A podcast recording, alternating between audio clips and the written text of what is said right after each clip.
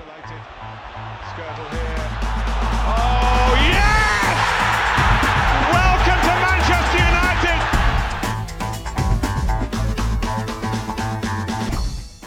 Velkommen til Old Trafford.dk podcast.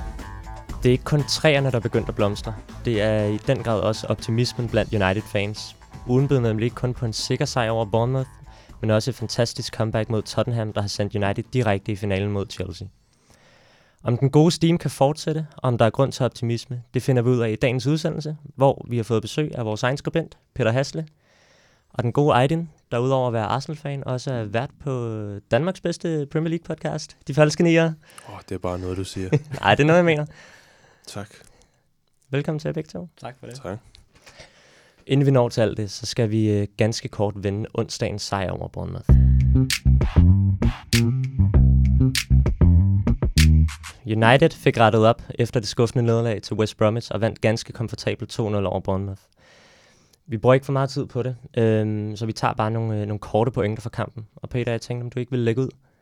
Jo, jeg tænkte egentlig, øh, jeg følte mig egentlig meget, øh, hvad hedder sådan noget, øh, normalt når United har spillet på udebane i den her sæson, så har jeg ikke været så sikker. Men det var jeg egentlig den her gang, fordi United har spillet den her forfærdelige kamp mod West Bromwich i sidste weekend. Øh, så, så jeg var egentlig meget sikker, og de vandt også sikkert 2-0. Så øh, ja, United taber ikke to gange i træk.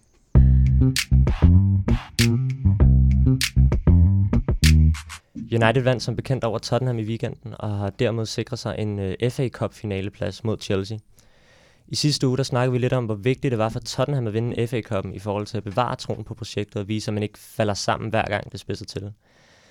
Ejlin, hvor stort et nederlag er det for, for Spurs at, at ryge ud nu og endnu en gang miste, miste sidste håb for at vinde et trofæ i den her sæson? Jeg tror, vi alle sammen er, er ret overbeviste om, at Pochettino har, han har kæmpe talent som, som træner på topplan.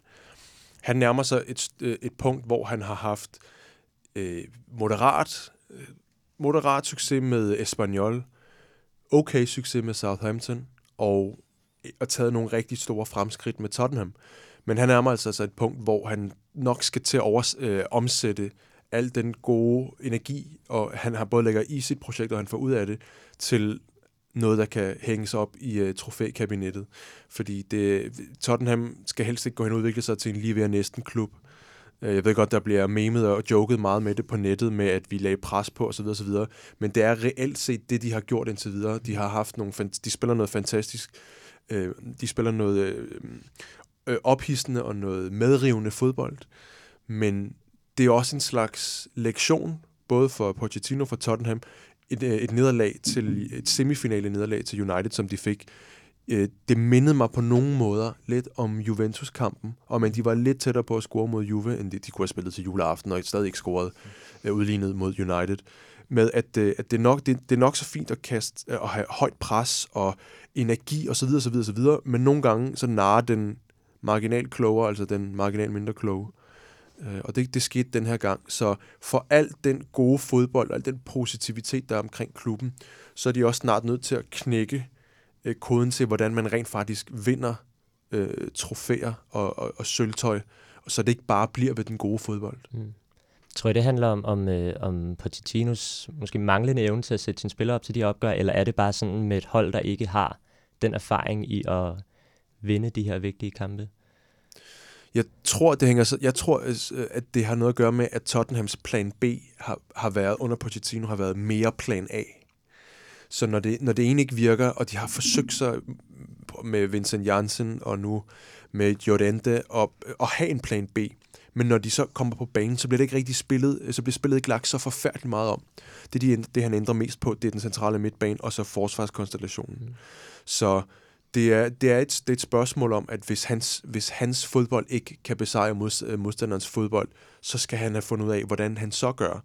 Om det har noget at gøre med opsætningen til kampen eller den mentale indstilling. Det, øh, det skal jeg ikke kunne sige. Jeg synes nu egentlig, det virker som om, de er tændte og er på. De, de, de kan bare ikke løse, de kan ikke samle puslespillet, de kan ikke knække koden, når det er, de er i gang i kampen. Jeg er helt øh, enig, fordi man kan sige, nu nævner Arjen også øh, Juventus-kampen, og i sådan nogle knockout-kampe, som kampen i weekenden også var, så er der jo bare noget med, så, så er det nemt ligesom at kigge på den kamp og sige, jamen, I formoder ikke at lukke den. Og det, sådan nogle kampe er der jo også i en turnering som Premier League, hvor man kan kigge på nogle enkelte kampe og sige, der handler det sgu bare om at vinde den her kamp. Og ligesom som om, der mangler Tottenham, det der bare at sige, okay, vi vinder den her 1-0, og så er vi ligeglade med, hvordan det ligesom foregår. Og øh, ja, netop, altså have en plan B på en eller anden måde, som Aydin siger. Når Tottenham vinder i Premier League, hvad de oftest gør, så er det fordi, de er bedre end modstanderne. Ja. De vinder sjældent, når de er, ikke er bedre end modstanderne, det vil sige, når de ikke rammer deres dag. Det er en ting, de skal have tillagt deres, øh, deres spil, og du kan jo, man kan så også se øh, modsætningen på den anden trænerbænk, Mourinho, bagud 0-2 mod City. Han forvent øh, et, en trone øh, ørefin til sejr bagud 1-0 mod Tottenham, og, og nærmest overløbet øh, de første 10 minutter. Han, får, han og, og holdet får stabiliseret sig, og så begynder de stille og roligt at bygge på. Og man har før set med Tottenham, at hvis man fjerner et kort fra korthuset, så er det typisk nede i pyramiden, fordi så, så, der, så falder holdets sådan gejs og ånd, det falder lidt sammen, og de mister fokus i løbet af en kamp. Så det kan godt, det kan godt være, hvis jeg ved, at, Mourinho, øh, at Pochettino lytter med på jeres podcast. så hvis du skriver, hvis du tager noter, øh, Mauricio, så er det måske det punkt, som der stadig er at arbejde på. Det er nemlig det, der hedder game management. Altså hvordan, hvordan hvis du har overtaget, mister det i løbet af en kamp, hvordan vrister du tilbage og får øh, kampen indrettet på dine præmisser? Nu nævner du nogle af de her comeback-sejre, som United har haft i denne sæson, og de havde det jo også mod Chelsea, hvor de også kom bagud, og mod Crystal Palace. Peter, tænker du ikke, at, at Mourinho ved at få noget tilbage på det her hold, som måske i virkeligheden har manglet siden de gode gamle Ferguson-dage? Jeg tror, det er noget, som Mourinho tilfører øh, alle sine hold. Øh, og jo, det har da måske manglet, men, men det undrer mig ikke, at det lige sker med Mourinho, fordi han er jo typen, som lærer sine fodboldspillere i hvert fald først og fremmest at vinde fodboldkampe. Øh, sådan har det været alle stederne. Øh, man kan måske bedst huske det fra hans anden periode i Chelsea, det mesterskab, de vinder der, hvor de jo i første halvdel af sæsonen kværner alt og alle, og nærmest i december måned er mestre. Efter nytår, så blev det så lidt mere kedeligt, og så blev det 1-0 sejr eller uafgjort og sådan nogle ting. Ikke? Så det er jo det, Mourinho ligesom bringer, at, at han lærte dem i hvert fald at vinde fodboldkampe. Øhm, og det jeg så også vil sige, det var, at, eller med det, det er jo også, at lige i forhold til lørdagens kamp der mod Tottenham, der var jeg meget imponeret over den måde, United lige så stille arbejdede sig ind i det efter de der første 10 minutter. Det var ikke sådan noget med, de scorede bange, så nu starter United. Altså det var lige så stille. Det var, vi prøver lige så stille det her. Og det kunne jeg faktisk godt lige at se på, det der, at, at de bare arbejdede sig lige så stille ind. Der var ikke travlt eller noget som helst. De, øh, de knoklede bare.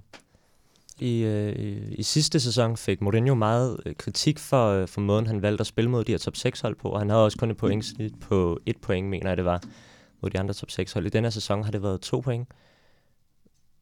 Fortjener Mourinho ikke også øh, ros for det at få rykket holdet og få, få langt bedre resultater mod top 6-holdene?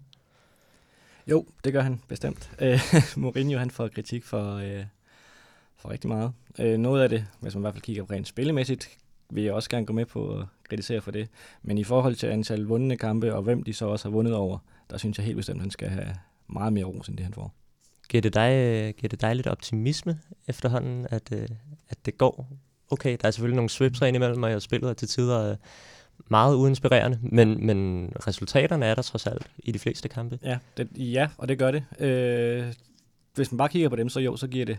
Og, og jeg tror også, Mourinho for, ved, at der skal bygges på. Det er også det, jeg sådan ligesom kan fornemme på hans udtalelser. Ikke?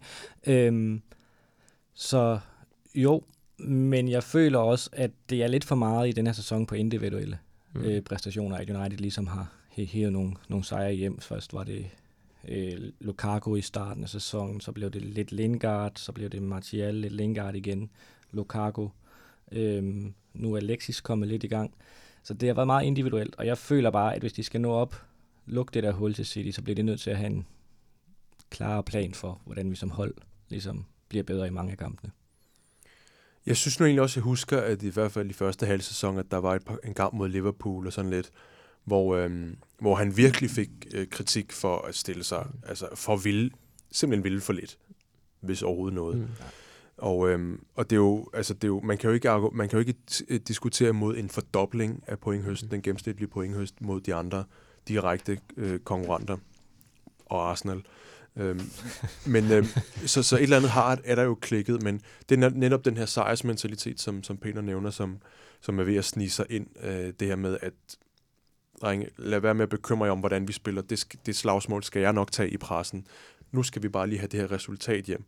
Og øhm, Mourinho har alle dage været en resultatmand. Mm. Han er fuldstændig ligeglad med, for at sige det sådan lidt, sætte det lidt på spidsen, han er lidt ligeglad med, med klubben, hvad der sker, hvordan, hvordan den, altså hvordan dens, dens øh, omdømme og så videre, mens han er der. Han er der for at skabe resultater. Og på et eller andet tidspunkt, så smutter han, og så må de selv rode med rodet.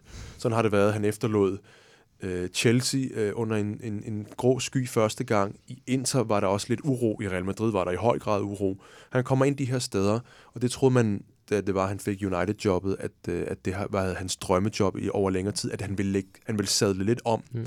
og lægge sin, øh, sin personlighed lidt om. Det har da ikke rigtig været, øh, været, været tilfældet, men, øh, men, men hvad han har ligesom er, er ved at have snedet ind af, af bagdøren, mens alle har snakket om, hvor kedeligt spillet har været, eller hvor lidt sådan ambitiøst det har været, så er det den her sejrsmentalitet. De ligger nummer to i ligaen, de har ikke tabt særlig mange kampe, og når, det har, når de har tabt, så har det været, så har folk taget sig til hovedet og tænkt, hvordan kunne det ske? Ikke?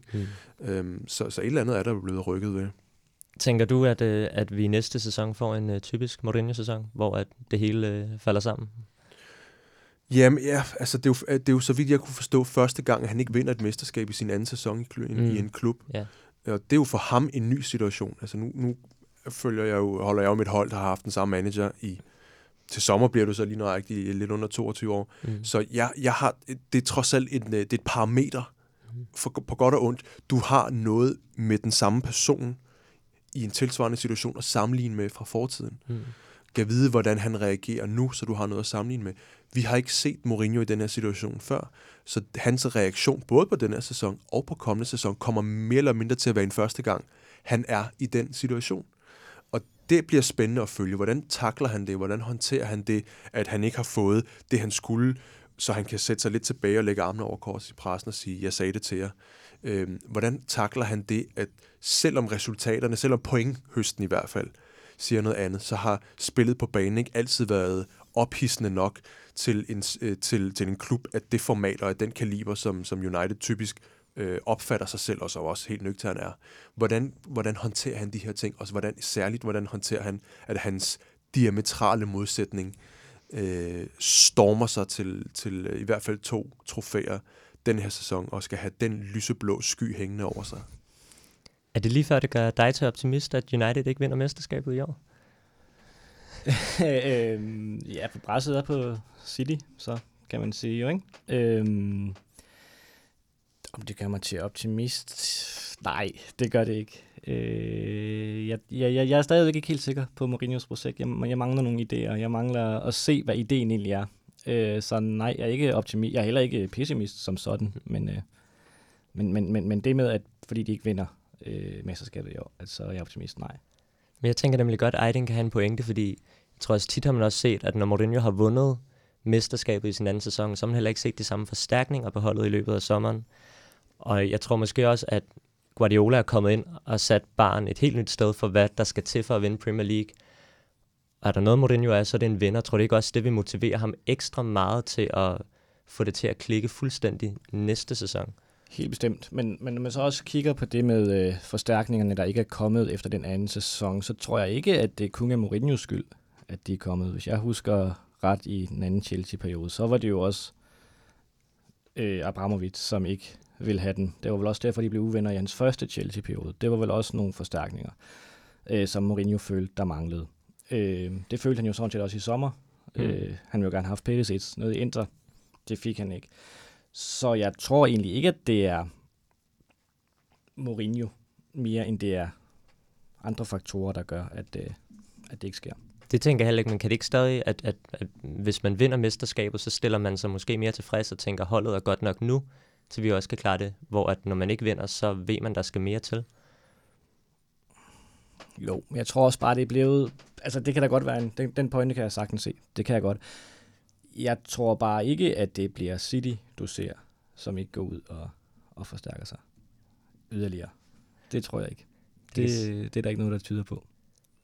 Jeg læste faktisk lige rygter i dag om, at de kun vil gå ud og hente to spillere til, til sommer det bliver spændende at se, hvad der sker. Hvis vi lige vender tilbage til kampen, så kunne jeg godt tænke mig at fokusere lidt på Ander Hedera. Han blev kåret som, uh, som Uniteds spille, bedste spiller sidste sæson.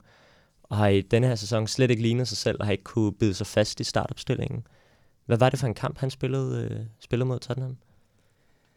Jamen, jeg sad egentlig og tænkte, at det var en meget typisk... Øh, jeg, jeg elsker andre det der for hans passion. Men jeg synes ikke nødvendigvis, at han, han som fodboldspiller er altså den, den, den gudsgave til fodbolden på nogen måde. Øh, jeg savner, når man er central midtbandspiller, og den rolle, som han har, så skal man være lidt klogere på bolden. Man skal kunne styre spillet lidt mere. Det, det har han bare ikke i sig. Og så er det rigtigt, så leverer han jo, altså han scorer et sejrsmål, hvor han først i første omgang hætter bolden tilbage til det gear. Altså det er den første sek- sekvens mm. der, ikke? Og så et halvt minuts tid senere, så er han op og sætter indersiden på og sparker den ind. Og så elsker man ham jo. Selvfølgelig gør man det, og man elsker hans vilje. Men hans fodboldmæssige kvaliteter, og det synes jeg også, den kamp var et tegn på, synes jeg bare ikke er, er god nok. Jeg tror jo, at øh, hvis Ander Herrera ikke havde det babyface, og det, der, det sådan pretty øh, face, han har, og ikke lignede sviner, svigermors drøm, som han gør. Så vil han få omkring tre eller fire gange så mange gule kort, som, man, mm. som han gør. Han slipper godt nok afsted med meget. Øh, og han er, han er ikke den slags luskede svin, som man bare vil have på sit eget hold. Mm-hmm. Når, der skal, når der er første anvælger, ikke? så man tænker, åh, jeg vil have Kim på mit hold, fordi han er bare en pest. Ja. Men han er god for holdet, fordi han løber rundt og tager en masse skraldet. Mm. Øh, øh, sådan, han er jo en rigtig bjælser-produkt, ikke? sådan en arbejdsnarkoman, som, som vælter rundt, også kan lidt af det, de kalder the dark arts. Altså hvis, hvis der er meget tryk på holdet, så tager han gerne en, lige et, et minut eller to rullen rundt på, på græsset med, med gå så en ondt i skinnebenet, mm. eller holder fast i Delalis fod, når han skal til at sparke, og han ligger ned. Alle de der små ting, mm. som man gør. Så jeg har den sammenlignet ham lidt på det plan med en Stefan Lichsteiner i Juventus, mm. der er så provokerende at se, for han er så sådan et svin. Men han har tre lunger, og han, han kæmper først og fremmest for sin holdkammerater, så man tænker, uh, jeg kan ikke lide dig, men hvis du var på mit hold, så havde jeg nok været en af dine største, største fans. Så, så, så måske er det også meget godt at have en, en, en, en, en spiller på banen, som også gerne tager de der skrællede opgaver, uden at stille alt for mange spørgsmål ved det.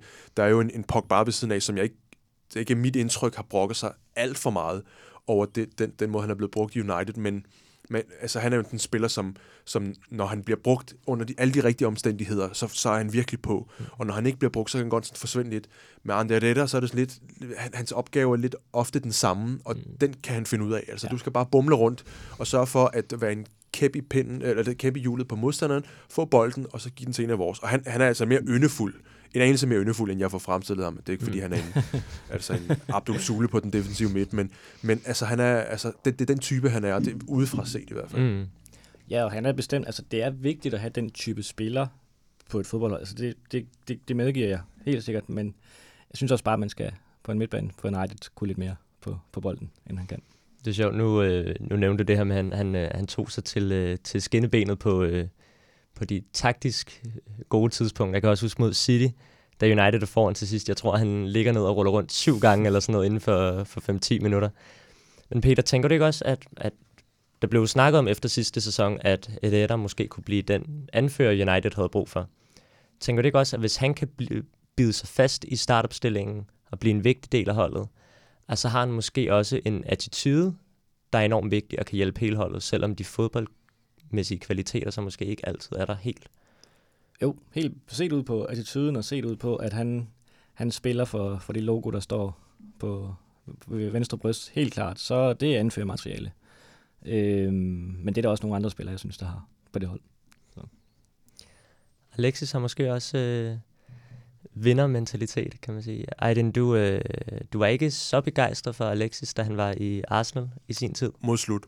Mod slut, ja. Og du, du havde det fint med, at han blev, blev skibet afsted. Synes du, det virker til, at han er ved at blive spillet ind på det her United-hold nu? Fordi han, øh, han fik kritik i starten og havde en svær start i United i hvert fald. Nej, ikke rigtigt. Der er dog den lille stjerne, man skal sætte ved det, at det, det, det er svært for de fleste spillere at spille sig ind i holdets varme, når de skifter i januar. Hmm. Fordi man kommer halvvejs i en sæson, hvor man uanset hvordan man vender og drejer det, så, så hold, øh, alle, alle, der har spillet på et hold, også bare på Danmarks knolde sparkeriserie-niveau, øh, de ved, at man har en, en sæsonmentalitet. Øh, og det er svært at lægge den radikalt om i løbet af en sæson, så han kommer ind i en... Han hopper op på en vogn, der triller i, i, et, i et gear allerede. Øh, jeg, det skulle ikke undre mig, om han, han kommer til at falde bedre ind, eller helt ud, formentlig bedre ind, fra starten af næste sæson, hvor han er med fra start, og med til at forme den her sæsonmentalitet. Men nu, hvor han mere eller mindre kommer ind, og så siger han, okay, vi rydder lige det her, omklædnings, det her, det her skab til dig i omklædningsrummet, det er din plads, Øhm, vi har ikke så forfærdelig meget tid til at spille, spille dig ind. Du, du kommer ind, og hvis du er i tvivl, så spil bolden derover og så kører den derfra. Og jeg tror, at når man ser på hans start i nogle af de andre klubber, han har været i, både i Barcelona, men også i Arsenal, hvor han starter med lyn og torden, der har det været meget underwhelming i, i, i United. Mm. Men som sagt, det er jo fordi, han kommer ind og skal spille en spillestil, som, han, som ligger, formentlig ligger længst væk af det, han har oplevet, fra det, der sådan ligger hans, til hans natur, øh, plus det halvvejs igennem sæsonen. Så han har jo haft reelt, du kan vel nærmest, det er nærmest nemmere til halvleje, hvor han har været han har vist, hvad det er, vi kender ham for, mm. snarere en hele kamp, eller slet ikke, og stimer. Så jeg tror, at øh, denne sæson skal man bare få det bedste ud af ham, man kan, og så fra næste sæson skal, han, skal, skal man måske bygge en større del af offensiven op, op omkring ham. Det, det er i hvert fald der, han, han, han, øh, han trives bedst med. Er du, er du enig i, at han, øh, han ikke har forbedret sine præstationer her i de, på det seneste? Jo, jeg synes, han har forbedret sine okay. præstationer her på det se, altså den sidste 3-4 kampes tid. Og jeg synes også, det er helt fair, at han har, som Aydin også siger, en svær start. Han kommer ind midt i sæsonen, og United får meget kritik, fik meget kritik på det tidspunkt. Det skulle han også i. Der blev snakket meget om, hvorfor kom han til United? Var det på grund af pengene? Øh, hvorfor vil han ikke vælge City? De ligger til at vinde mesterskabet, måske også Champions League på det tidspunkt. Øh, der var meget stå hej om det der. Øh, så det er klart, det fylder jo noget i et hver menneskes hoved. Det vil du jo gøre. Så jeg synes ikke, det er så unaturligt, at han har haft lidt startvanskeligheder. De præstationer, vi har set i de sidste 3-4 kampe, er det et niveau, der er tilstrækkeligt, eller skal det forbedres yderligere fra, fra næste sæson af? Altså, han har jo leveret nogle, hvis man bare ser på City og Tottenham-kampen, nogle kampafgørende øh, situationer eller øh, øjeblikke. Øh, og det er jo det, man forventer af en spiller, som med, med den position på banen, som han har. Så hvis han kan gøre det, jamen, så er det jo altså, hvis han angriber og scorer mål, så er det jo ligegyldigt, hvad han laver resten af kampens 89 minutter. Ikke? Altså, sådan er det jo bare med den type spillere. Jeg holder ekstra øje med ham selvfølgelig af, mm. af gode grunde, men og jeg synes, det er interessant at følge hans, altså hans, øh, følge det, at han, han er, er fodbold natur og mentalitet, hvis man da kan snakke om den slags essentialistiske størrelser. Øh, han, han er sådan typen, som hver gang han får bolden, så har han været vant til, så skal der ske noget. Når han får bolden, og det, det, er sådan, det, ender, det munder gerne ud i det der stående inderside anlæg, øh, indlæg med skro, mm-hmm. som jeg også har set ham lavet et hav af gange for United, og som det er sådan et ud af seks, der rammer øh, øh, en medspiller 4 ud af 6, når det falder ind i der på banen. Men ellers, så det, det, det prøver han rigtig mange gange. Ja. Og jeg er spændt på at se hans tilpasning i forhold til, at det er jo ikke rigtig Mourinho, uh, the Mourinho way, at der skal ske noget, hver gang vi har bolden. Ofte er det, det, der skal ske, når vi får bolden, det er, at frem til det x antal minut, så skal vi bare stille og roligt spille, uh, have, have, have tempoet lidt ud af kampen og sådan noget. Det er jo virkelig at tage en, en slædehund, som jeg ofte sammenligner ham med, mm. der har brug for at løbe sig fuldstændig smadret i hver kamp, og brug for, at der sker noget hele tiden, og have tunge hængende ud af munden, og bare være sådan, have pulsen oppe, og tage sådan en, og så sætte ham i, til en slædehund, og smide ham i, i, til en yogatime og sige, nu skal du arbejde med dit åndedræt, og stille og roligt lave de her fine øvelser, og, sådan, og det bliver godt for, for dig og for holdet og så videre, men, men det strider imod hans fodboldnatur. Mm. Så det, det, er, det er meget spændt på at se, hvordan han tilpasser sig, og jeg, det er ikke en kommentar til, at han har gjort det godt eller skidt indtil, ja. det er bare, at det, det holder jeg øje med. Jeg, jeg bemærker også i starten lige, da han skifter, der kommer også et par tweets fra din side om, øh, om hans første præstationer i United. United, uh, Sanchez, Sanchez Watch. Ja, ja. det, var, det var god læsning. En sidste spiller, jeg gerne vil lægge lidt fokus på til sidst, det er, det er Paul Pogba. Og jeg har i virkeligheden en, en lille teori, og nu må I, må I sige, om, øh, om I tror på den. Pogba har ikke øh, har svinget meget i sine præstationer. Øhm, og så var Mourinho ude her og, og kritisere ham for West Bromwich-kampen og rose ham for City-kampen og sige, han forventer ikke, at han går ind og leverer, som han gjorde mod City i hver kamp, men han skal levere stabilt på et nogenlunde højt niveau. Og når jeg har set Pogba, så noget af det, der har været kendetegnende for ham, det er, at hver gang vil han skabe det ekstraordinære og være den spiller, der er afgørende. Og jeg synes, efter Mourinho er kommet med de her udtalelser, så har præstationerne set bedre ud, og han har spillet mere simpelt. Jeg tror i virkeligheden, at de her udtalelser fra Mourinho har været med til at gøre, at han måske slapper mere af i forhold til, at han ikke behøver at skabe det hele hele tiden. Det tror jeg bestemt godt, der kunne være øh, noget i. Jeg tror også det, at nu nævnte Aiden lidt af det samme med øh, Alexis også, er jo også den type, som netop gerne vil afgøre tingene hele tiden. Det tror jeg måske også at tage noget fra Pogba, at han kan se, at der er en, der også kan noget. Ikke? Så øh, en blanding, tror jeg. Jeg tror helt bestemt. Og det er jo også det, Mourinho tit bruger medierne til, når han kommer med sådan nogle kommentarer. Det er jo fordi, han, han siger det jo ikke bare for at sige det. Der er en mening med de ting, han siger ofte. Så kan man sidde og tage sig selv til håret og tænke, hold nu din kæft, ikke? Men, men der er en mening med det, og det tror jeg helt bestemt også, at, at, der kunne, øh, at, at det kunne være noget af det, han gerne vil have frem i Pogba med de kommentarer. Altså, så all bets are off, når Mourinho siger ting. Altså sådan, jeg, jeg har selv tillagt mig sådan en Mourinho-filter. Alt, hvad han, jeg, kunne, jeg, jeg kunne spørge om, hvad klokken var, og han ville svare mig ærligt, og jeg ville kunne stå og kigge ned på mit, mit eget ur, og stadig kigge på ham med rynket bryn og sige, mm, hvad mener du i virkeligheden? så sådan, alt, alt, hvad han siger, det er sådan en mindgame, sådan stillet lidt karikeret op. Øh, men med hensyn til Pogba, jeg kender simpelthen ikke ham som, som fodboldperson nok til at, at, at vide, om han har været ude for den slags før, og hvordan han i øvrigt så reagerede, for at kunne sætte det her i kontekst, og så sige, nu reagerer han på den her måde. Det må jo vise, at han er jo, han er jo, der var jo hele det der 4-3-3, det der mm. dukketeater nærmest, ikke? Den der sæbeopera, der udspillede sig i pressen for et par måneder siden, og jeg ved ikke rigtigt, jeg synes, den, den landede ikke rigtig nogen sted. Den landede med, at de bare, nu må vi bare køre videre, og nu har han spillet et par, et par gode kampe siden da. Ja. Så, øhm, som, og det kan godt være, det er lidt kedeligt svar, men, men som altid, så siger vi må give det noget tid, før vi kan stille os og kigge tilbage og sige, hvordan reagerede han. Det er det, for det kan også være, at han, han falder, falder i niveau fra næste kamp af, og så, så holder teorien ikke rigtigt. I starten snakkede vi lidt om, om det her med Tottenham og, øh, og den manglende evne til at præstere, når, når de øh, når den afgørende fase af enten sæsonen eller af, af specifikke kampe. Efter Mourinho er kommet til, de vandt jo øh, de her to og halvt trofæ sidste sæson, og, og står måske også nu til at kunne vinde FA-koppen. Er det afgørende for United, at, altså, at, hvor, hvor vigtigt er det for holdet, at der begynder at komme trofæer igen, i forhold til hele selvforståelsen for, som United-spiller? Jeg tror, Herrera sagde det meget rigtigt efter kampen, at United handler om finaler og, og pokaler. Øhm, det, det, det er også det, jeg tænker med United, og hvorfor jeg også personligt godt kan leve med, at spillet måske ikke er så inspirerende, men der kommer trofæer ind. Det, det har jeg det fint med.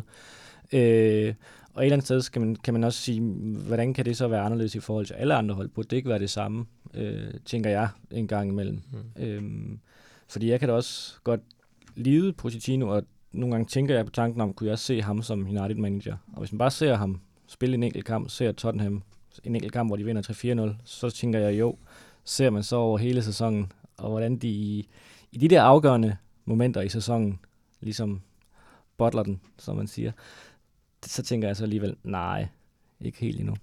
Men, ja. ja, altså jeg ved ikke, jeg, jeg tror, uden at der i øvrigt skal gå alt for meget sådan hashtag against modern football i den, så er det også en diskussion, vi har taget, eller et slagsmål, vi har taget en del gange i, på, hos, hos de falske nier, det her med, at, at uh, der er nogen på, på vores pod, der mener, at FA-koppen er til overs. Altså det vil sige, mm. den er, den er da okay, hvis man får den, men det, den skal ikke kun stå for sig.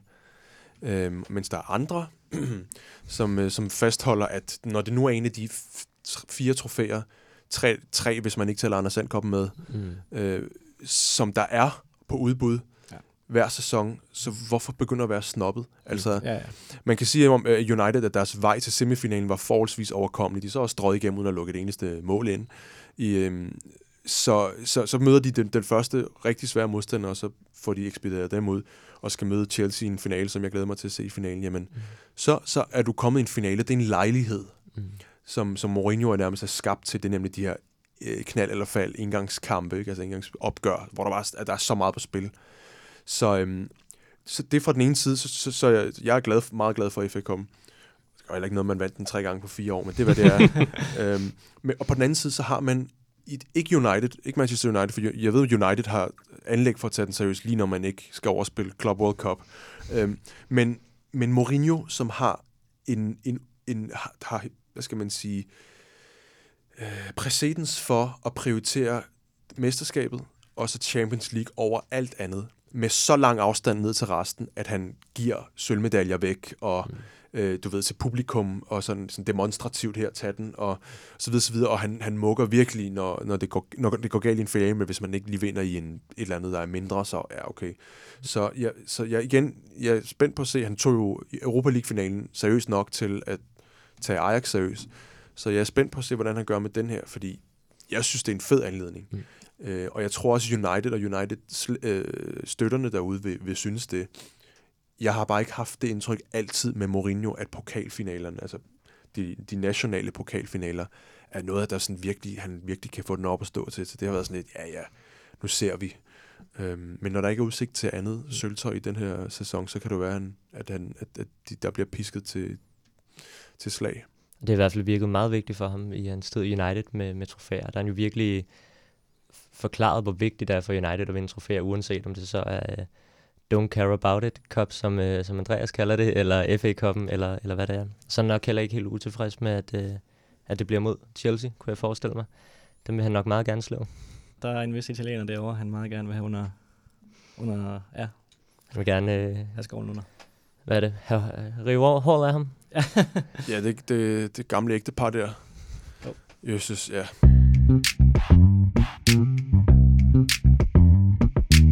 Siden sidst er der sket det, at vi er kommet på tier.dk, og det er et sted, hvor du kan være med til at skabe Danmarks bedste United-podcast ved at donere et frivilligt beløb per episode.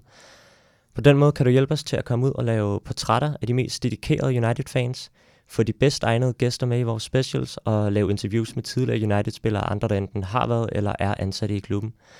Så hvis øh, du har penge, der brænder i lommen, eller bare mangler en god undskyldning for at kvitte smøgerne, så, øh, så hop ind på oldtrafford.10.dk, hvor du kan læse meget mere om det hele. Øh, og 10 er i øvrigt stadig 10ER.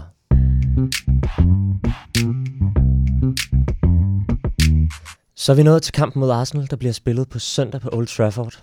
Men inden vi går i gang med kampen, så kunne jeg godt lige tænke mig at rette blikket mod Wenger, der i sidste uge meddelte, at han stopper som træner for Arsenal efter den her sæson. Aydin, øh, du har været herinde før, og du, øh, du har jo længe ment, at det, at det måske var på tide, at, øh, at Wenger stoppede. Er det ikke stadig lidt med blandede følelser, når den manager, der har stået i, i spidsen for klubben i næsten 22 år, trækker stikket jo? Jo, jo, jo. Absolut. Det var en, det var en hård dag fredag. Der var, øh, det, var, det var en tung dag. Mm.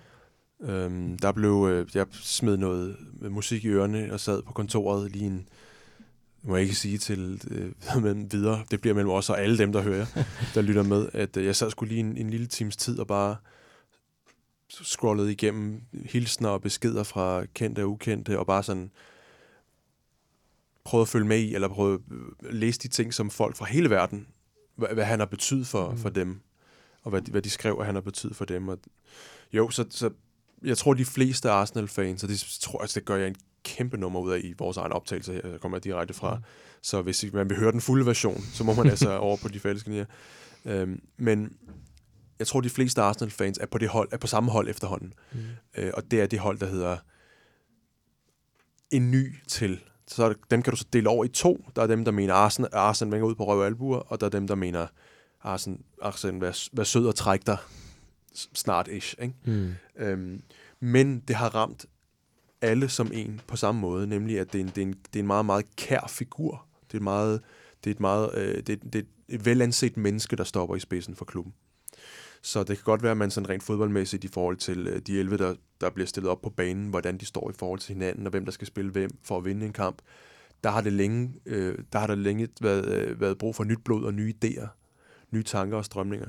Men skikkelsen som ambassadør for klubben, som, som galionsfigur for klubben, som, som faderfigur for rigtig mange af de unge mennesker, som er kommet ind, øh, han kommer til at mangle. Øh, og det, kan man, det behøver man ikke engang tage mit ord for, det kan man bare se på den virkelig lange stribe, kavalkade af øh, aktive proffer, tidligere proffer, folk, øh, spillere, aktører uden for banen, der har været inde og bemærke, ikke bare dem, der takker ham for hans bidrag til fodbold og sådan noget, det er, hvad det er. Mm. Og det er der blevet skrevet mange øh, kolonnemeter om, det kan man selv op, øh, hvad hedder, øh, opsøge. Men dem, der, og det er langt de fleste af dem, der bemærker, hvad han har gjort for dem som menneske, hvordan han har været med til at udvikle dem som, og gøre dem til et, voksen menneske, gøre dem til et bedre menneske. Al, siger alle sammen, at han har givet dem et eller andet, som de har taget ved lære af i livet. Og øh, det, er ikke, det, det, det kan godt være, det er mig, der ikke har været læst, øh, nærlæst det ordentligt nok, når der har været andre, men det synes jeg ikke er så fremtrædende så ofte. Øh, der bliver, man gør et stort nummer af, at det har måske været en gentleman, og det har været, han har været vigtig for fodbolden, ham her, eller ham her, eller hende her, for den sags skyld. Men, øh, men det er sjældent, jeg oplever så mange, der, der kommer frem så hurtigt og siger, du gjorde mig simpelthen til et bedre menneske, du gjorde mig til et mere helstøbt menneske. Det kan godt være, at det ikke var med, med dit hold, at jeg og vi vandt alt muligt, men du er en, jeg vil huske resten af mit liv, snarere end måske en projektansat træner, der kom ind, og så vandt vi et eller andet sammen, mm. og så var det skide fedt, og det, det kan jeg se på den medalje, der hænger på mit kontor. Mm. Du har rent faktisk lært mig nogle ting om livet, og det, og det giver en en klump i halsen, fordi det er altså ikke, de hænger ikke på, på træerne. Kan du huske nogle af de konkrete historier, du har, har læst? Ja, altså der, der er de mest, nogle af de mest tragiske, eller skal sige, deprimerende eksempler er jo de spillere, som måske aldrig klarede den. Fordi vi skal jo huske, for hver af de spillere, som er, som er kommet igennem og er for etableret sig enten i Arsenal eller et andet sted, er der i hvert fald 10 talenter, som ikke klarede den. Og det er alt fra historien om nogle af dem, som han har tilbudt øh, jobs som hvad hedder det, talentspejder i klubben, det er alt fra at øh, den måde, han, han, han omgås personalet helt ned til kantinefolkene osv. osv. er med til at tage nogle beslutninger sammen med dem, sidde i bestyrelse med dem, når der skal vælges ny kaffeleverandør til kantinen og sådan noget. Fordi han, han bare gerne vil være med ind over de her ting, og han, han kan godt lide at arbejde sammen med folk. Men, men nogle af de, faktisk nogle af de spillere, der har været meget skadelige, som Abu Dhabi, mm. som havde et kæmpe talent, men som gik i stykker øh, i Sunderland for nogle år siden, og siden har skulle aldrig, blev, aldrig kom så helt efter den skade. Øhm, når man læser hans besked, så det er puha, den er, den er så tung. Altså, den, den er ikke lang, men, men den måde, han siger med, at, at den måde, han, han støttede ham igennem alt det, det mørke, han skulle igennem i sin tid. Ikke kun, når det var, at hans ben gik i stykker igen et nyt sted, eller det andet ben, men også bare det, det mentale. Øh, også, altså for, Van Persie var ude, han er der ikke specielt mange Arsenal-fans tilbage, der har den store stjerne til. Han var ude prompte. Fabregas, som, som stadig er aktiv hos en af de direkte konkurrenter osv. osv. Alle de her folk er ude og, og sige, at han gjorde mig til et, et, et mere helstøbt menneske. Øhm, og når, når det er, at man læser de ting, så går det op for en. Et, hvor vigtigt selvfølgelig han har været og er for folk omkring sig på af banen, men to også, og det kan godt være, at det er bare mig, der er gammel og sentimental og synes, det er en fed ting, men hvor, lidt et nummer, hvor lille et nummer han selv, altså Arsene Wenger, gør ud af, hvor meget han hjælper folk. Mm. Det er nemt at forestille sig nogle andre aktive managertyper, som man ikke vil være i tvivl om, hvis de havde gjort noget godt for nogen anden, fordi det vil, det vil man vide, det vil de gerne fortælle om. Mm. Men, men nogle af alle de ting, som også er kommet frem i kølvandet på hans beslutning, hvor man hører om nogle af de ting, han har gjort, og sådan, været med i en støttefond for offrene i Tjernobyl. Det har han været i 20 år. Der var der ikke nogen, der vidste, før han sagde op. Og de her historier kravler ud af journalistkrone rundt omkring. I øvrigt, jeg var til et møde i slutningen af 90'erne. Der var han, der så sagde han, og sådan og sådan og sådan. Og sådan. Så går det op for en, hvor meget han egentlig har bedrevet, uden hans ego har haft behov for at gøre hele verden opmærksom på det. Øh, og det synes jeg i hvert fald viser øh, format af karakter. Synes, synes du, øh, jeg tænker, der er jo ingen tvivl om, at, at efter øh, Wenger annoncerede, at han, han trak sig nu fra, fra Arsenal i hvert fald, jeg ved ikke, øh, om han har, har fremtidsplaner i andre klubber måske, øhm, at så hele stemningen omkring ham er jo virkelig vendt, både blandt journalister og også blandt fans. Synes du, der er noget hyggeligt i det, eller er der bare en klar opdeling mellem, man har været træt af, hvordan det er gået de sidste par år, de sidste fire år måske, og så bare at kigge på Wenger i de 22 år, han har været i klubben. Ja, jeg tror også, der var, der var stor, øh, der, blev, der blev kigget med stor spænding på dem, som nogle af de mest højdråbende, så det ud Arsen-typer, da det var, meldingen kom, for at se, hvad deres reaktion ville være.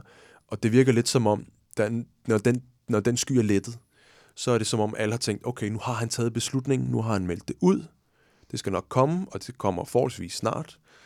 Så er der ingen grund til at slå alt for hårdt på den ubehagelige tromme længere. Så lad os prøve at forene os bag ham, bag holdet, og give ham den afsked, som han unægteligt, indiskutabelt fortjener. Og det har været positivt. Der har ikke været, der har ikke været så forfærdeligt mange sure miner uden for de allermest inkarnerede Arsenal fan TV, alt det der pjat der, øh, mm. popcorn time der. Så, så dem, som, som er kontrære, som er, er på tværs for at være det. Mm. De, mest, de, de fleste, stort set alle sådan nogenlunde fornuftigt tænkende Arsenal-støtter, de har været enige om, fint nok, godt så er den på plads. Nu skal han have en ordentlig afsked.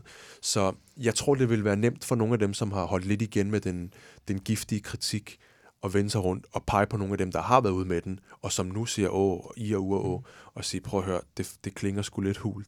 Men jeg tror, der er, man, sådan, på den side tænker man, der er sgu noget, der er lidt større end det, og lidt mm. vigtigere end det lige nu, og det er, at man får en ordentlig afsked, i stedet for, at vi skændes internt. Mm. Det er også det, der er fedt, hvad han har meldt ud nu. Han får virkelig den afsked, han fortjener, synes jeg. Det ville være synd, hvis han bare blev... Øh, der var banner på stadion hver, hver weekend, indtil han stoppede. Jeg tror, hver gang du har været herinde, så har vi snakket, snakket om Wenger. Og hver gang vi snakker om Wenger, så har jeg sammenlignet situationen med Ferguson. Og Peter, jeg tænker, det er, jo, det er jo lidt usædvanligt, vi ser det her i fodbold. Det er usædvanligt, at der er en træner, der sidder så længe, og nu er det ligesom... Jeg føler, at når Wenger er ude, så, øh, så er det kun moderne fodbold, der er tilbage. Ikke? Altså alt, alle de der gamle dyder er bare på en eller anden måde væk. Kan du huske, hvordan du selv havde det den dag, hvor at Ferguson øh, forklarede, at han, øh, han ville stoppe som United-træner? Det kan jeg faktisk ganske tidligt, ja. Jeg var på øh, Costa Rica med en kammerat. Mm. Øhm, og allerede om aftenen, inden at det kom frem, da om formiddagen blev officielt, der var der en masse nyheder om det. Og så siger det til min kammerat, og så siger han, nej, det kan ikke, det passer ikke. De historier har været så mange gange før, at, at nu stopper han. Så vågner man, og det første, man ser på telefonen, det er, nu stopper han. Og det kan jeg tydeligt huske, at det var, øh, det var en, som Adin også lige sagde, en tung dag. Altså, det var det virkelig. Fordi man sad virkelig bare, og så kom man i tanke om alle de gode, øh, hvad hedder det, ting, øh, øjeblikke, der har været med, i det tilfælde så Sir Alex Ferguson, ikke? Øh, så jeg kan tydeligt øh, gen, genkende til det der. Og det er jo også lidt et slægtskab, man på en eller anden måde har haft med Arsenal-fans. Det har, det har været, at man har ligesom kendt til det forhold, de har haft til den træner, som mange, i hvert fald fans på vores alder, har jo, eller Arsenal-fans på, på vores alder, har kun kendt Arsene Wenger. Mm. På det tidspunkt, da Ferguson stoppede, jeg havde kun kendt Sir Alex Ferguson som, som United-træner. Ikke?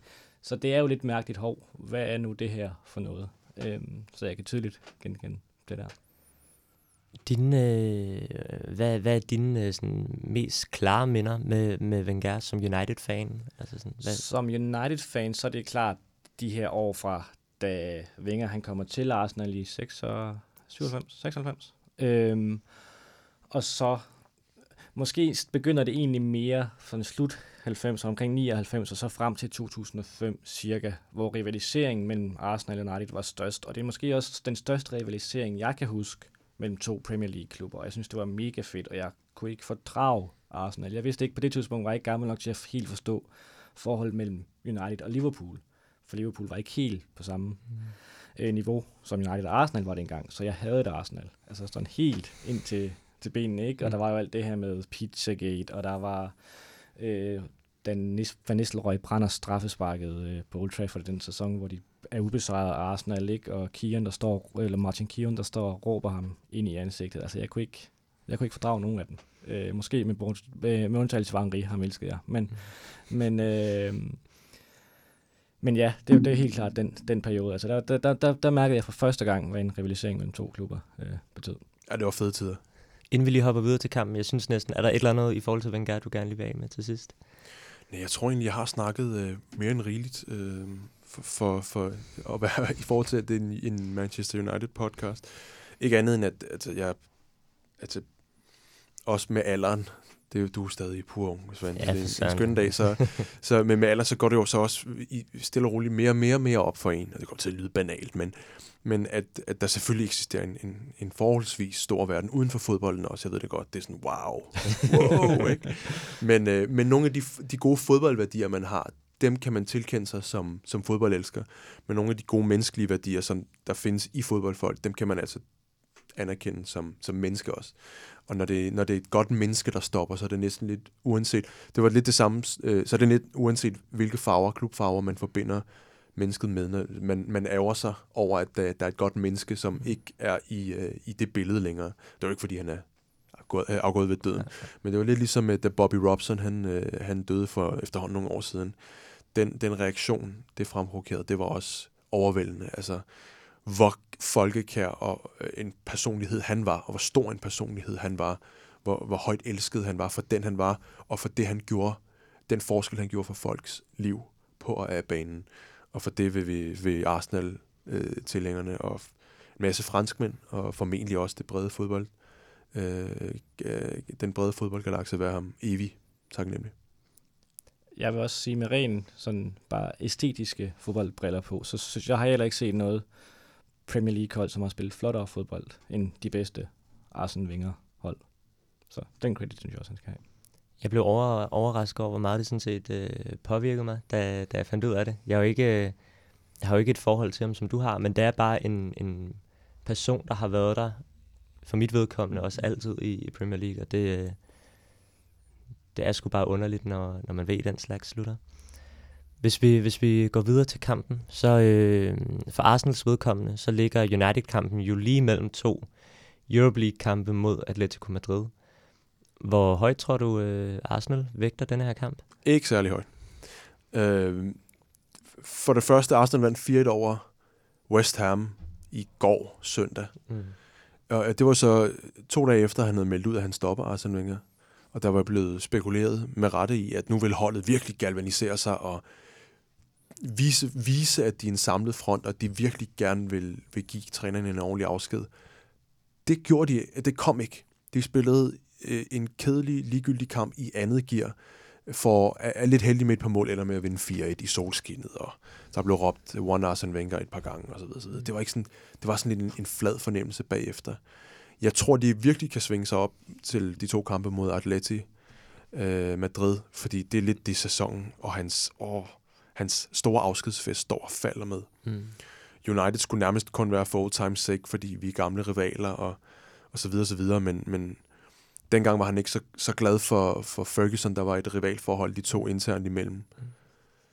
Jeg tror, han er endnu mindre glad for ham, der sidder i trænersædet i, uh, i United lige pt, og han har slet, slet, han orker ikke. Det, jeg skal snart ud af, jeg, I'm too old for, jeg, jeg orker ikke flere slagsmål med dig. Det her, det er bare et, et visit. Nu kommer vi, så spiller vi lige en kamp. Vi, I vinder, okay, fint nok. Vi skal til, vi skal til Madrid om fire dage. Desværre, desværre. Øhm, men vi har jo før set det sådan ikke så betydende, ikke så afgørende slutsæsonkampe mellem Arsenal og United. Jeg mener, de vandt to, Arsenal vandt 2 3-0 på hjemmebane for et par sæsoner siden. En af de mest kedelige Arsenal-United-kampe, jeg har set i lang tid. Så jeg håber ikke, det bliver sådan, men det frygter jeg lidt. Det var det samme sidste sæson, da, da Arsenal også vandt, hvor United øh, stillede med en del reserver og lagde alt ind på Europe League-finalen. Det var nok den, jeg tænker på, hvor ja. Jack har scoret et eller andet absurd, afrettet langskud. Ja. Sådan, ja, ja. Peter, øh, er, er du opsat på den her kamp, eller er det også med en eller anden vis ligegyldighed for dig? Nej, jeg er egentlig meget, fordi jeg tror, at hvis United vinder, så, så er det en anden plads så godt som, som hjemme. Øh, og jeg ser gode muligheder for, at de vinder den kamp, fordi jeg tror heller ikke, Arsenal kommer. Hvis, hvis de, de får et fornuftigt resultat på torsdag mod Atletico Madrid, så ja, så satser de jo selvfølgelig hele butikken på returkampen. Så de kommer jo heller ikke med, med, med 80 eller med 100 procent, undskyld. Øhm, så øh, jeg ser det som en rigtig god mulighed for at ligesom få lukket den kamp om, øh, om andenpladsen, øh, hvis der er nogen kamp der, man i hvert fald får det. Øh, den i hus, og så kan United så koncentrere sig om, om FA Cup-finalen om en, en lille måneds tid. Hvis jeg må knytte en, en hurtig kommentar til øh, UEFA. Tak fordi I har gjort det til fire faste pladser til de 4-5-4 største europæiske liga, i liga Italien, Spanien, Tyskland og England.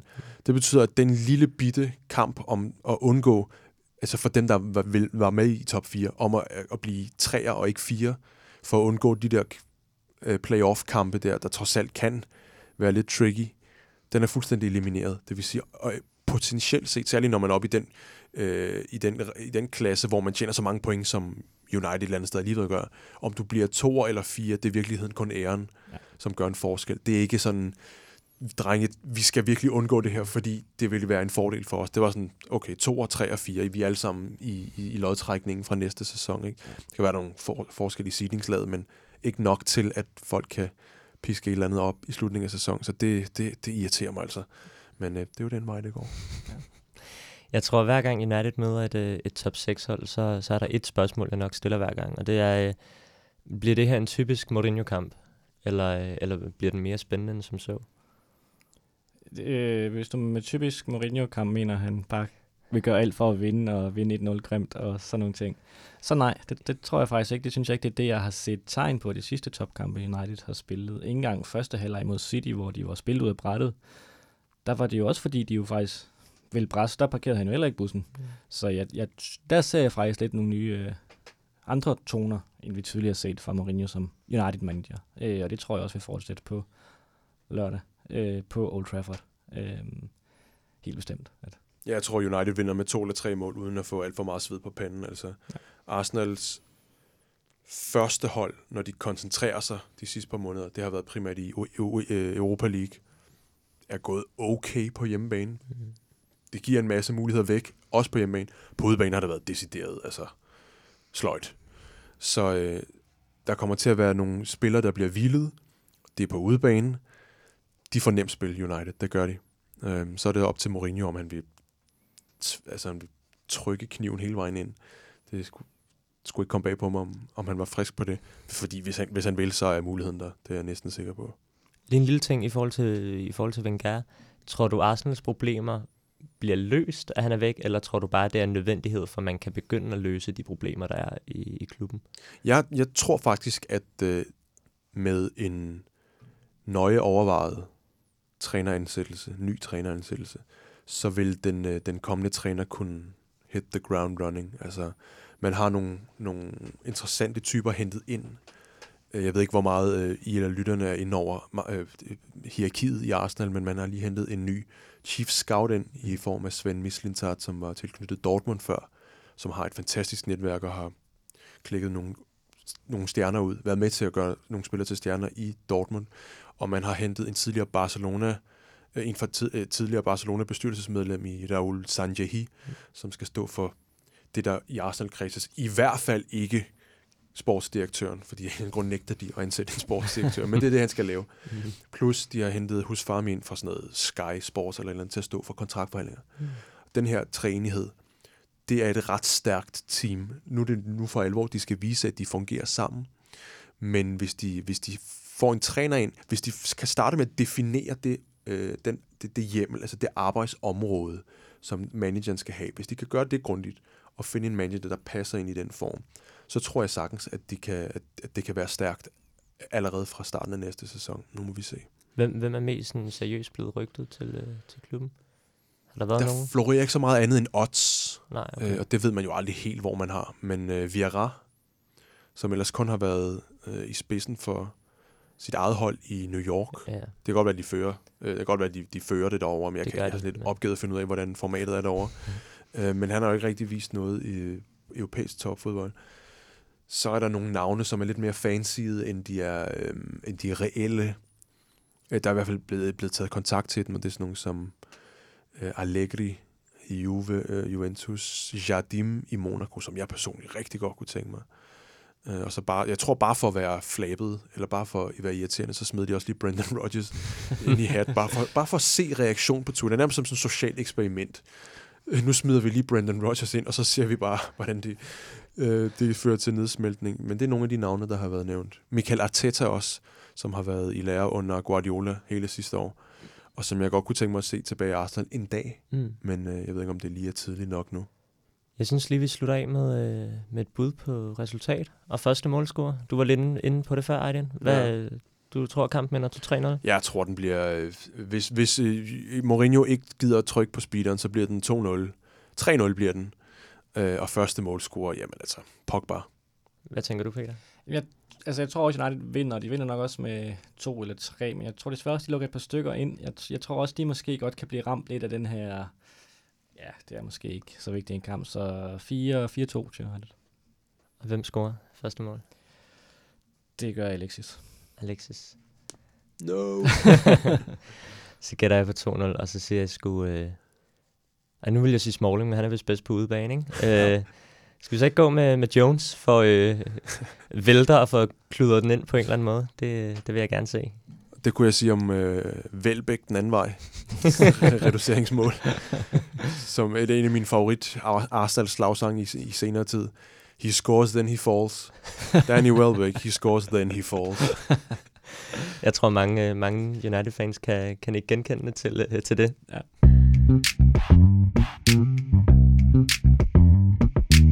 Peter, må vi, ikke, øh, må vi ikke høre dit indspark i den her uge? Jeg så øh, Juventus-Napoli i går, fremragende fodboldkamp. Øh, der var med knald på. Det var der virkelig, og slutter utrolig fedt, og noget Napoli med i igen om mesterskabet i Serie A, hvis man er til det. Øh, men jeg så den også af den grund, at jeg gerne ville se øh, Jorginho spille øh, Napolis centrale midtbanespiller, som på rygtebasis bliver nævnt sat i forbindelse med United og også City og Liverpool. Øh, jeg så det selvfølgelig med, med United-brillerne på, og jeg synes, han var en helt øh, fantastisk fodboldspiller, og en jeg vil elske. Altså den type fodboldspiller, jeg elsker at se, og nu kritiserer jeg lidt Herrera lidt lige tidligere i programmet, fordi jeg ikke synes rent boldmæssigt, han, han op, øh, opfinder ikke de store, dybe tallerkener på en fodboldbane. Det gør Jorginho i den grad. Øh, ham vil jeg elske at se i United, United, tror jeg. Til dem, der ikke kender ham, så bliver han nogle gange sammenlignet lidt med, med Pirlo som type. Øh, jeg kan desværre sige, at, at i dag så jeg nogle ret seriøse rygter, der meldte ham til City. Til City, desværre. ja, det har jeg også ja. set, ja. Til, øh, men, men jeg håber, du har ret. Det, det vil jeg også meget gerne se. Jeg så en helt sindssyg stat med ham, Jorginho, for nogle måneder siden, måske et halvt års tid siden, i en kamp, hvor han havde sådan gennemført sådan noget 145 afleveringer eller sådan noget. Ja. Så tænker jeg, øh, hvis han havner i City, der i forvejen kan Bare... godt kan finde ud af at onanere med bold, ja. Så, øh, så stikker det da helt af. Eller så kommer han til at passe perfekt ind. Ikke? ja. ja. Mit, uh, mit indspark? Mm. Ja, øh, jeg, øh, jeg, jeg er en kritiker af Mourinho. Det, jeg vil aldrig, jeg, der er ingen grund til at lade som andet. Øh, men jeg håber, at folk jeg trods alt kan se et, et græn af sag, øh, saglighed i, i kritikken. Men jeg vil sige til hans øh, og, og til Uniteds ros, da det var, at de kom foran 2-1 mod Tottenham her i, øh, i weekenden. Og øh, nu sagde vi tidligere, at Tottenham kunne have spillet til juleaften, de ville stadig ikke have scoret. Det der røde hangarskib, der bare blev plantet foran feltet, det var, øh, det var faktisk, jeg synes, det var æstetisk forsvarsspil. Jeg synes, det var, det var imponerende at se et hold, som ellers mod så mange andre modstandere har, fungerer som en kvælerslange, at de bare knuser og kvæler modstanderen, indtil de lå, forærer dem nogle mål. Eller de er, de er så gode til at angribe og få produceret så mange afslutninger. Så kom de, det blev stort set ikke farligt for, for De Gea derinde efter, i hvert fald i de sidste cirka 15-20 minutter. Og det var, øh, det var, det var det er en, det er en af de få gange, jeg har set en, en, en kollektiv forsvarsindsats, der fik mig til at tænke, wow, fed fodbold, fordi det var bare, fordi vi, vi, vi, man snakker nogle gange om Guardiola og hans boldbesiddelse, som i at det var sådan set forsvar med bold. Det kan godt være, at det er sådan lidt småkedeligt at se på længden, men det er, det er kun kedeligt, fordi det er så vildt imponerende, at de kan køre bolden rundt og så sige, jamen hvis I vil, hvis I vil have den, hvis I vil op og score, så skal I komme og få bolden først.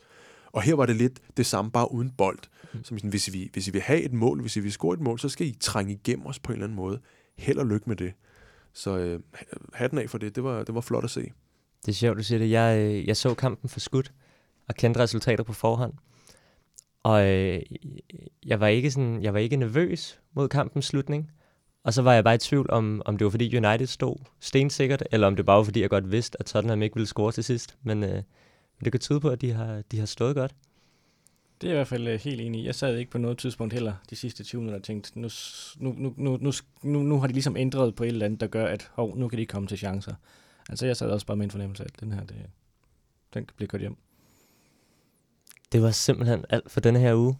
Kæmpe tak til dagens to gæster. Aydin fra De Falske Nier og Peter, skribent hos oldtravel.dk.